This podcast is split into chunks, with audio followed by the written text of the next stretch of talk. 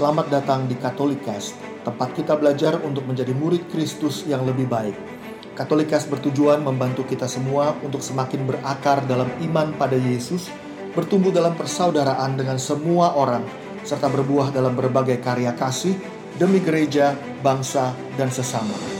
Katolikas berisi cerita kesaksian dan refleksi hidup sebagai pengikut Kristus, katekese iman yang relevan dan praktis untuk hidup sehari-hari, serta dialog topik-topik kekinian dengan berbagai narasumber untuk memperkaya hidup iman kita semuanya. Selamat mendengarkan, Tuhan memberkati.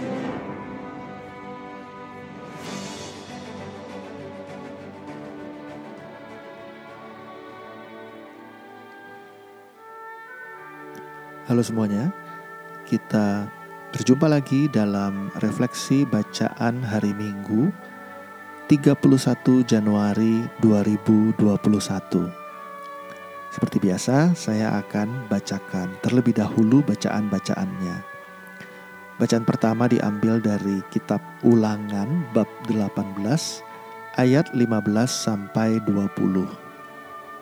Sekali peristiwa, berkatalah Musa kepada bangsanya, Seorang nabi sama seperti aku akan dibangkitkan bagimu oleh Tuhan Allahmu dari tengah-tengahmu, dari antara saudara-saudaramu dialah yang harus kamu dengarkan. Di Gunung Horeb dulu pada hari perkumpulan, kamu minta kepada Tuhan Allahmu dengan berkata, Aku tidak mau lagi mendengar suara Tuhan Allahku dan tidak mau lagi melihat api yang besar ini supaya aku jangan mati. Lalu berkatalah Tuhan kepadaku, apa yang dikatakan mereka itu baik. Aku akan membangkitkan bagi mereka seorang nabi seperti engkau, dari antara saudara-saudara mereka sendiri. Aku akan menaruh firmanku dalam mulutnya, dan ia akan mengatakan kepada mereka segala yang kuperintahkan kepadanya. Orang yang tidak mendengarkan firmanku yang akan diucapkan oleh nabi itu demi namaku, daripadanya akan kutuntut pertanggungjawaban. Tetapi seorang nabi yang berani mengucapkan demi namaku perkataan yang tidak kuperintahkan atau yang berkata demi Allah lain, nabi itu harus mati. Bacaan kedua diambil dari surat Paulus kepada jemaat di Korintus yaitu 1 Korintus 7 ayat 32 sampai 35. Saudara-saudara, aku Paulus ingin supaya kamu hidup tanpa kekhawatiran Orang yang tidak beristri memusatkan perhatiannya pada perkara Tuhan, bagaimana supaya Tuhan berkenan kepadanya. Orang yang beristri memusatkan perhatiannya pada perkara duniawi, bagaimana supaya ia dapat menyenangkan istrinya. Dan dengan demikian perhatiannya terbagi-bagi. Perempuan yang tidak bersuami dan anak-anak gadis memusatkan perhatiannya pada perkara Tuhan, supaya tubuh dan jiwa mereka kudus tetapi perempuan yang bersuami memusatkan perhatiannya pada perkara duniawi, bagaimana supaya ia dapat menyenangkan suaminya.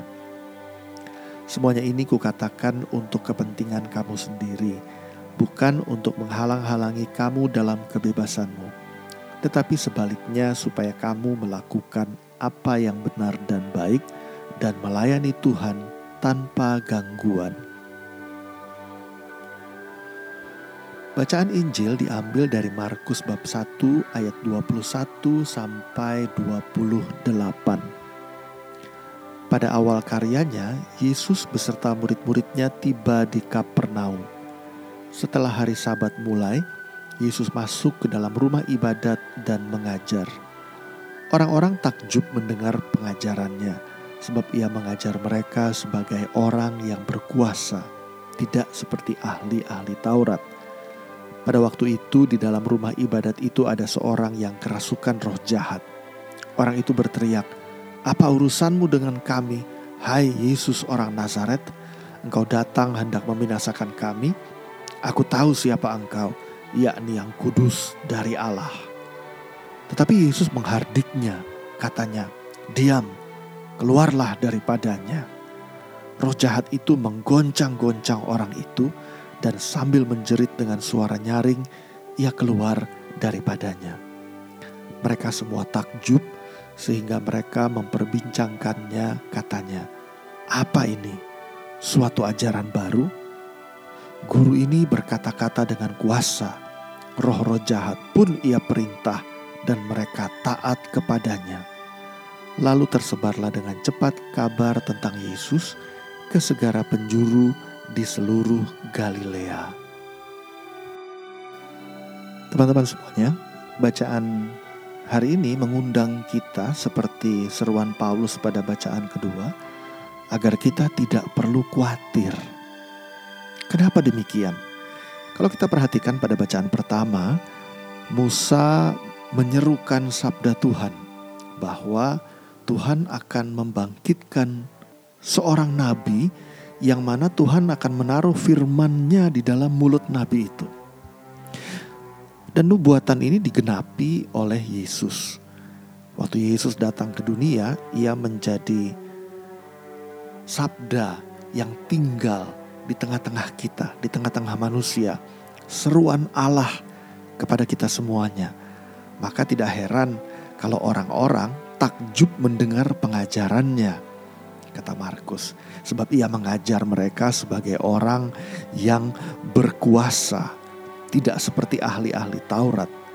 Artinya, waktu orang mendengar Yesus mengajar, Yesus tidak hanya menyampaikan informasi, tapi ada wewenang kekuatan Allah yang mengalir lewat sabda yang diucapkan oleh Yesus. Lalu ceritanya berlanjut pada hari itu di dalam sebuah uh, rumah ibadat ada seorang yang kerasukan roh jahat. Orang itu berteriak, "Apa urusanmu dengan kami, hai Yesus orang Nazaret?" Ini sebetulnya ada sedikit uh, peringatan buat kita. Roh jahat aja roh jahat saja tahu bahwa Yesus itu adalah yang kudus dari Allah. Jadi kalau hari ini kita mengatakan bahwa Yesus itu yang kudus dari Allah, kita sebetulnya belum berbeda jauh dari roh jahat. Karena sebetulnya kalau kita jadi pengikut Kristus, kita harus lebih dari sekedar mengakui Yesus sebagai yang kudus dari Allah. Lalu Markus bercerita lebih lanjut. Tetapi Yesus menghardiknya, katanya, diam, keluarlah daripadanya. Maka roh jahat itu menggoncang-goncang orang itu, lalu keluar. Lalu semua orang menjadi takjub.